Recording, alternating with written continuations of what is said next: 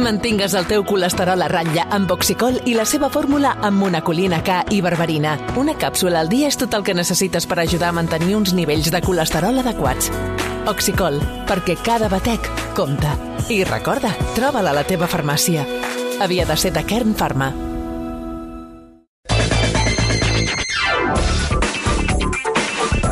Cellers Maset t'ofereix la tertúlia esportiva.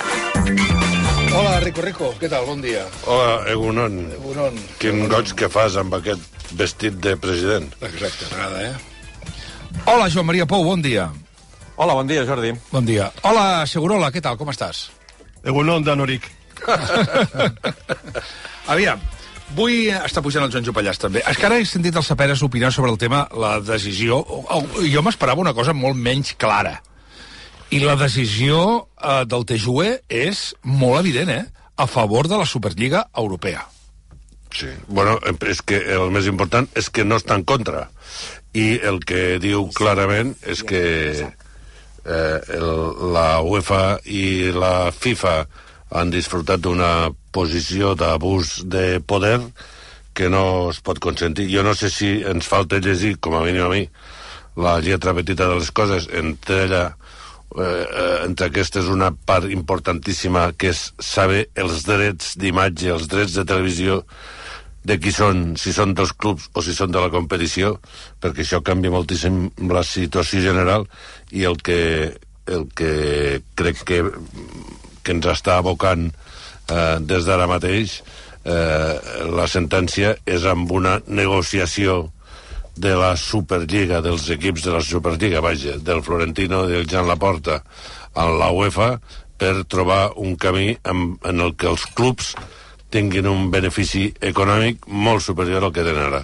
Mm. Atenció per diverses coses. Primer, estem esperant una declaració, ens han avisat una declaració institucional de Florentino Pérez. És maco això, eh? Declaració institucional de Florentino El- Pérez. I haurà un comunicat al Barça, també, Sí, em sembla, a, la, no? a les 11 del matí, dèiem. També, per tant, al caure. Pot ser que vagin de la mà, no? És a dir, el Barça es posiciona, parla dic una cosa, Florentino i nosaltres direm... Eh, que s'espera. No passa, no passa. No passa, el comunicat de paper no passa. De- de- Joan Laporta, de que, fet, que algú eh, li faci parlar algun tallet, home. El, la porta no ha anat a Dallas per fer justament aquesta...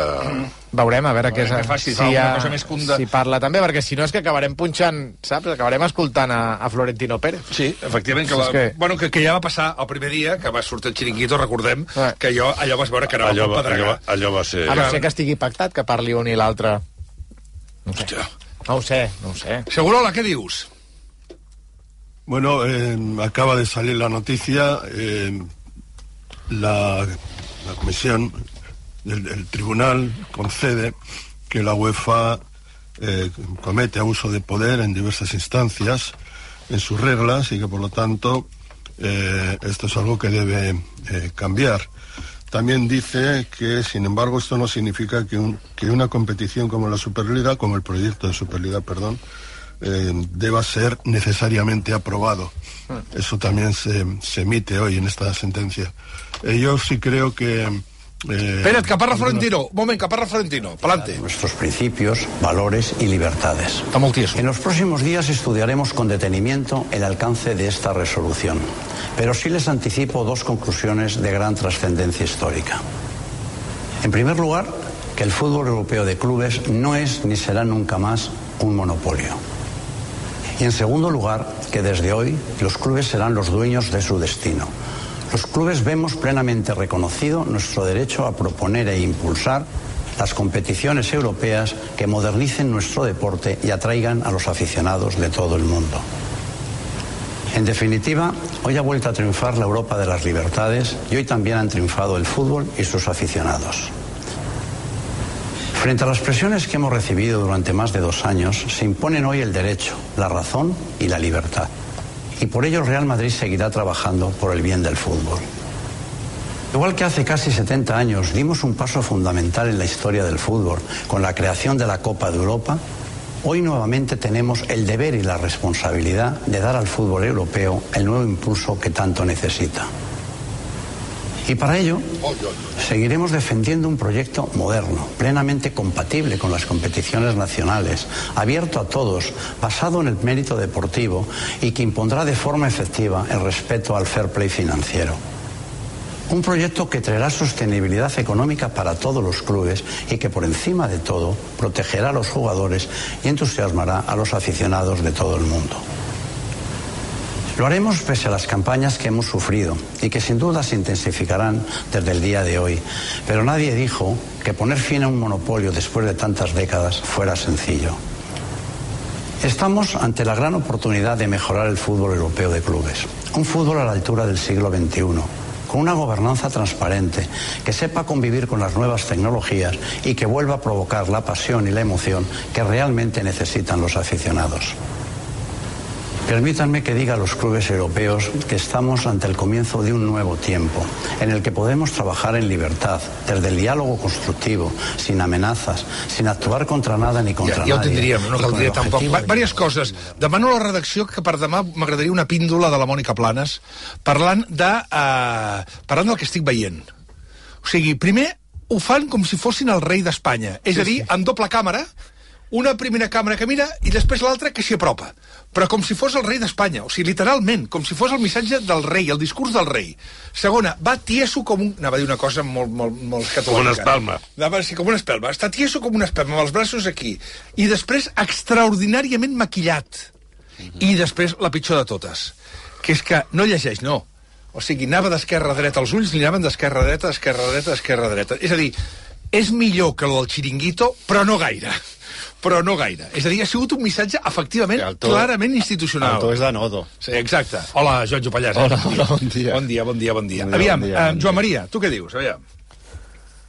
Bé, això, no? El que, el que hem pogut llegir fins ara, després suposo que els entesos en la matèria veurem, doncs es miraran la lletra petita, que no n'hi acostuma a haver en aquest tipus de sentències, però d'entrada sí que crec que queda força clar que, que la UEFA i la FIFA doncs, estaven exercint això, no? un, un uh, abús de, de poder i que s'estaven comportant de manera il·legal. Aquesta, aquesta pa- paraula surt eh, a, la, a la sentència em, i per tant jo crec que aquesta és una porta gegantina per efectivament començar a construir ja la, la Superliga. Una altra cosa és saber quines seran les regles del joc de la Superliga, quines seran les regles de la competició, i jo crec que a diferència del que es va dir en el seu moment, crec que els impulsors d'aquesta competició tenen molt clar que perquè això es consolidi eh, ha de ser una competició on els mèrits eh, tinguin conseqüències. Mm. És a dir, no pot ser una competició tancada i barrada eh, on no, no puguis accedir des de les competicions nacionals. I Però- crec que aquesta...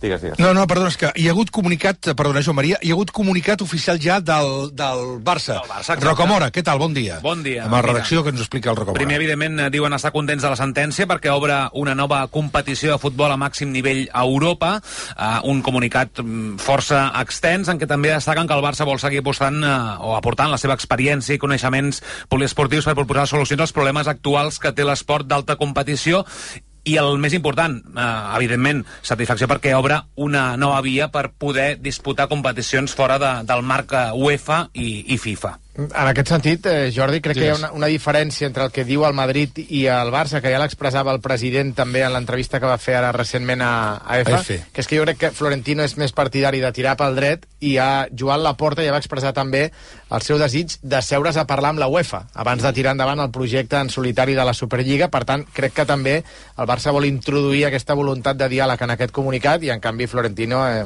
ja parlava d'aquesta llibertat dels clubs de fer el que, el que vulguin. Eh, crec també, eh, Xavi Rocamora, Sí. que hi ha eh, també eh, comunicat de la Lliga de Futbol Professional Sí.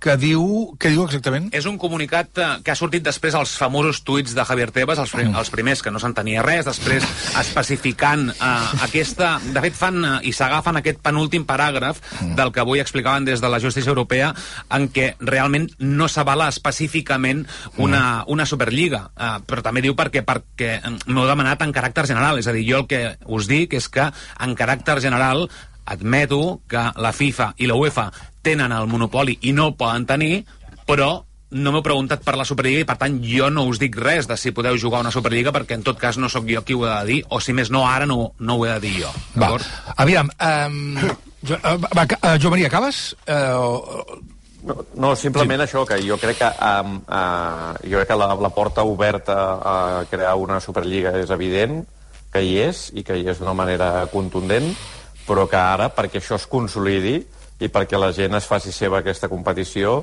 jo crec que s'ha de fer un sistema en el qual eh, qualsevol equip, si ha fet bé la feina una temporada, tingui dret a disputar-la eh, la següent, m'explico? És a dir, si es crea una mena de NBA a l'europea, jo crec que aquest serà un error garrafal i jo crec que els aficionats al futbol europeus no compraran, crec, aquest tipus de, de format. Si la meritocràcia continua tenint un valor eh, bàsic, com en les actuals competicions, jo crec que entrem en una nova dimensió en el futbol europeu. Joanjo.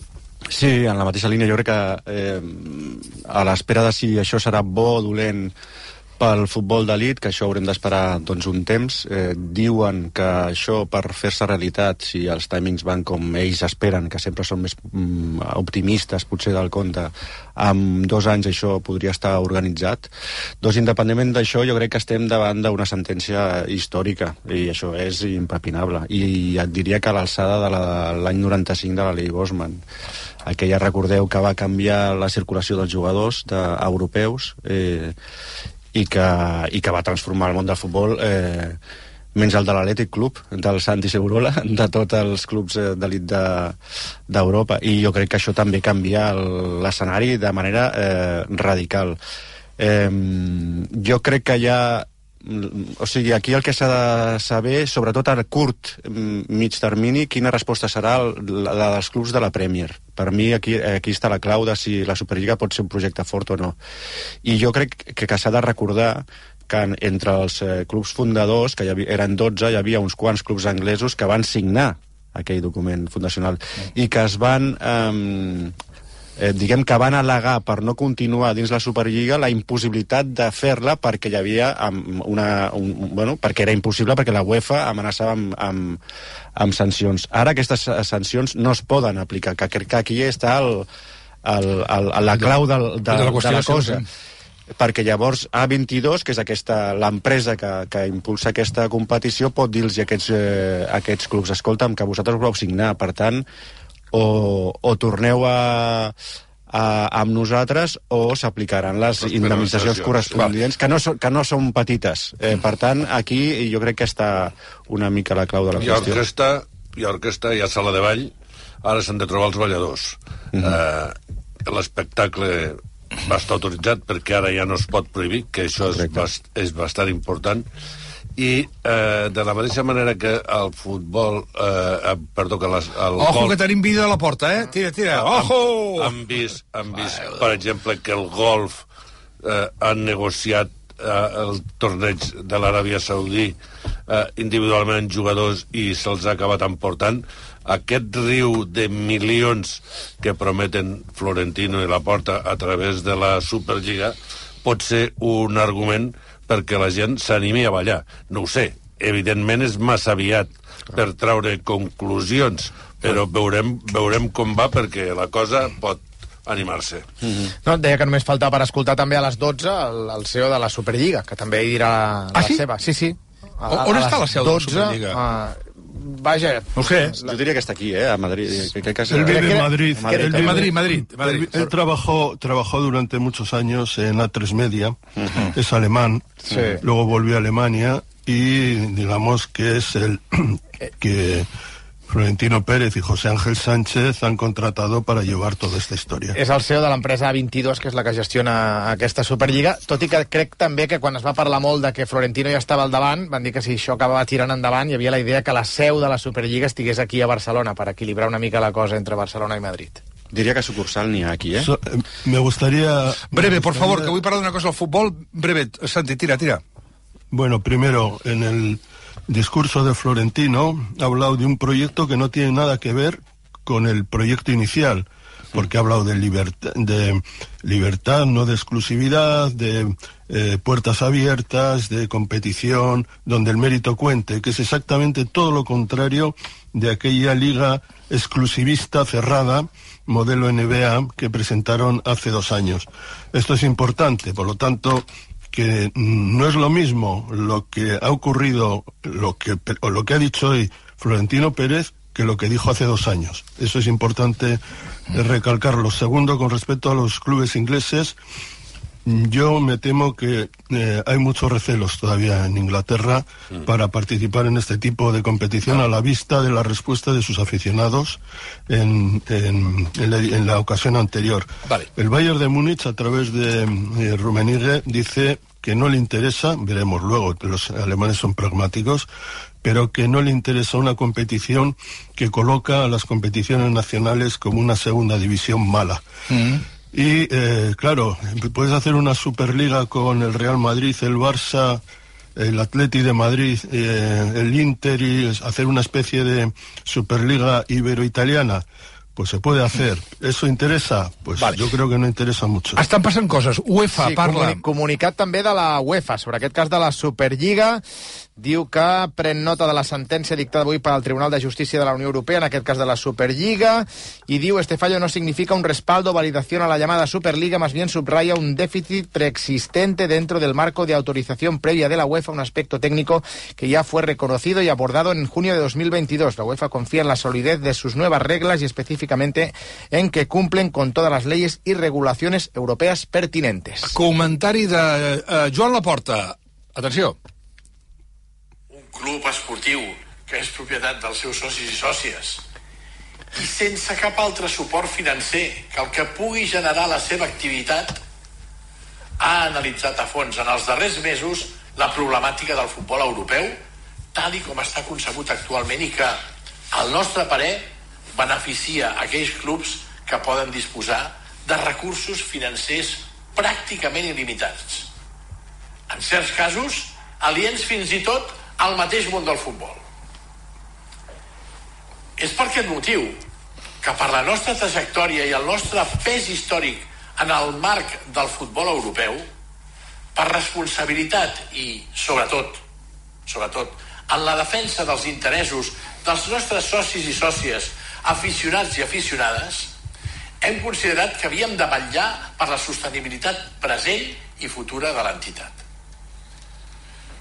Creiem que ha arribat el moment que els clubs, i amb més motiu, aquells que són propietat dels seus socis i sòcies, com el Futbol Club Barcelona, tinguin un control més gran sobre el seu destí, tinguin un control més gran sobre el seu futur i tinguin un control més gran sobre la seva pròpia sostenibilitat.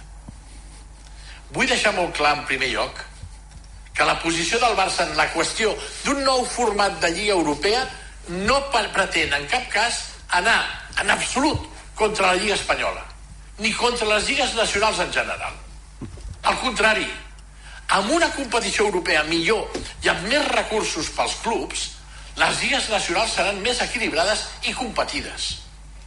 El que volem, i així hi treballarem, és establir un diàleg obert, constructiu, de cara a l'objectiu que es generin sinergies positives entre totes les parts. Però per poder entrar al debat constructiu que, que reclamem, a fi de millorar i reformar les actuals estructures del futbol europeu, calia que quedés aclarida la qüestió jurídica de si l'actual monopoli de UEFA resulta o no compatible amb el dret europeu. Avui la resolució del Tribunal de Justícia de la Unió Europea té una gran rellevància pel futur del nostre esport. I ens dona la raó, ens dona la raó al resoldre que en l'actual status quo del futbol europeu existeix una situació de monopoli incompatible amb el principi del dret europeu com hem sostingut durant molt de temps.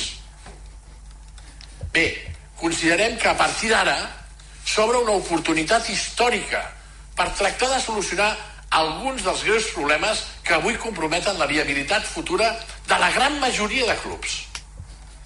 En aquest sentit, el Futbol Club Barcelona intentarà impulsar fórmules innovadores per millorar les competicions europees actuals en un format obert i plenament meritocràtic, fent el futbol més sostenible pels propis clubs, molt més solidari envers el futbol modest, més atractiu i fins i tot més assequible per als aficionats de tot el món. Aquesta proposta, insisteixo, arriba per millorar el conjunt del futbol europeu masculí i femení. Moltes gràcies. He de dir que, des d'un punt de vista comunicatiu, és la nit i el dia. Absolutament, Eh, La nit i el Florentino. dia, a més, només cal veure com es movia eh, Joan No calia el Laporta i comunicat, perquè haguessin pogut anar directament a això. Directament a això i no calia comunicat al Barça, és a dir, efectivament, perquè... Més clar el president que el comunicat. No, i, i més que el president que el comunicat, més que el president del Barça que el president del Madrid, el president del Madrid s'ha perdut amb una cosa més, diguem-ho, més etèrea, en canvi que ha anat directament... Sermó de missa, sermó de missa. Sermó de missa, efectivament. Bueno, escolta'm un moment, si us plau, que estem peinando. El món a RAC1 amb Jordi Basté. Deixeu-me en pau tots plegats. Ho dic en sèrio, són les 11 i 20. Quin dia m'esteu donant? Demà tenim la loteria aquí, que ja, ja m'he trobat el Màrius Carol. Quina hora he d'estar aquí? Dic a tres quarts de nou, que comença aquí a moure les boles. Tinc la telefonista de RAC1 que se'n va cap a Madrid a, a fer de comentarista d'excepció eh, que ha fet el gran comentari a la visita de Pedro Sánchez, que ha sigut... Eh, eh, M'ha fet una rialla d'orella a orella, que és magnífic, això t'ho digui la telefonista de RAC1 parlant de Pedro Sánchez, i després dissabte tenim el Palau de la Música, que, que en fi, i ja està, i, i ja està, i fins aquí I les la- notícies. Però la- aviam una cosa, us demano si és possible, i us ho prego, perquè tinc Camil Roca aquí al costat per parlar dels millors anuncis de loteria, i tinc Guillemil Kiwi també esperant per les millors anades a les Indis. Per tant, hem d'anar per feina. En 30 segons cadascun, sisplau. Rico, el Barça d'ahir. Eh, no hi ha millor partit per definir eh, o il·lustrar les teories de Xavi respecte a la contundència. Dos defenses de vidre, la de l'Almeria i la del Barça, que podien haver provocat un marcador encara molt més generós.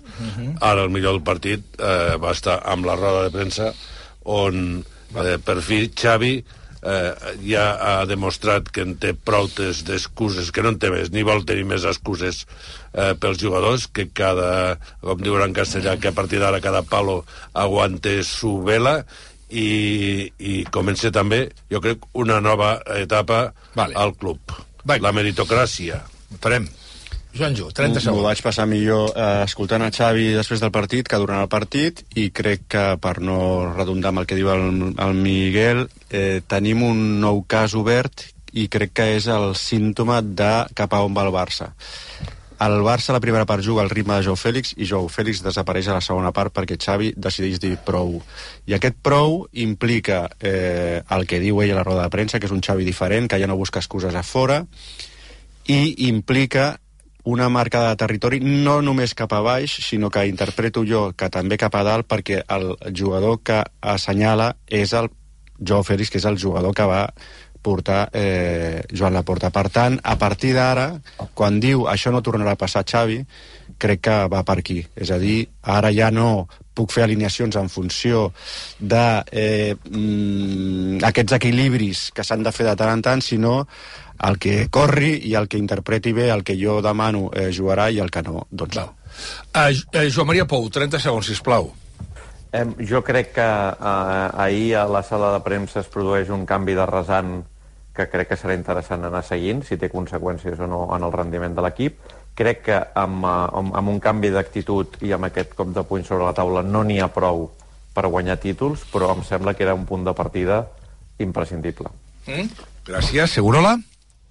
30 segons. La enésima rueda de prensa de, de Xavi, eh, esta vez cambiando de argumentos, pero sinceramente es bastante triste en el Barça que esté más pendiente el público de cómo interpretar la rueda de prensa que, de, que del partido. Me imagino cómo fue el viaje ayer a Dallas para conseguir esos euros eh, con el entrenador y la plantilla, después de escuchar la plantilla, lo que dijo de que eh, era inaceptable lo que habían hecho. Yo creo que eh, tienen que acabar con esta dinámica. Saperes? Eh, en la línia del que deia el Joanjo, desastrosa el Barça durant el partit, preocupant la situació eh, en la que queda Joao Fèlix, veient que el president va dient que vol tancar ja eh, la seva incorporació per la propera temporada amb Cancelo, excel·lent Xavi a la sala de premsa, i el que deia abans, el dia que no parla d'autocrítica, que no fa servir la paraula autocrítica, és quan realment la fa a, a la sala de premsa i crec que el Xavi més allunyat de l'enemic extern és el Xavi més proper que hem vist des del dia de la seva presentació. Vols dir alguna cosa, Racomora, o ja...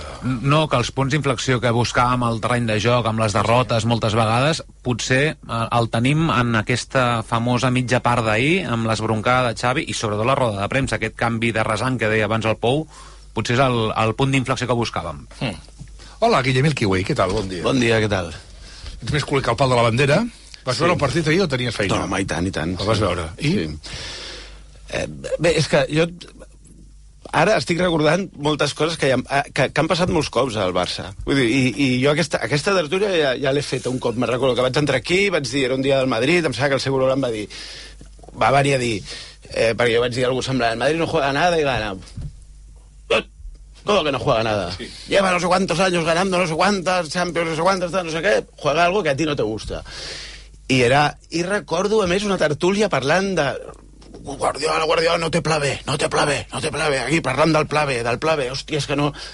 Vull dir que al final... Eh, Eh, Guardiola deia, el, el pla B és executar a la perfecció el pla Ah, és, és el pla A, efectivament, però bueno, això Xavi, el dia de la presentació, no va dir això, però més o menys va, va venir a dir una mica això.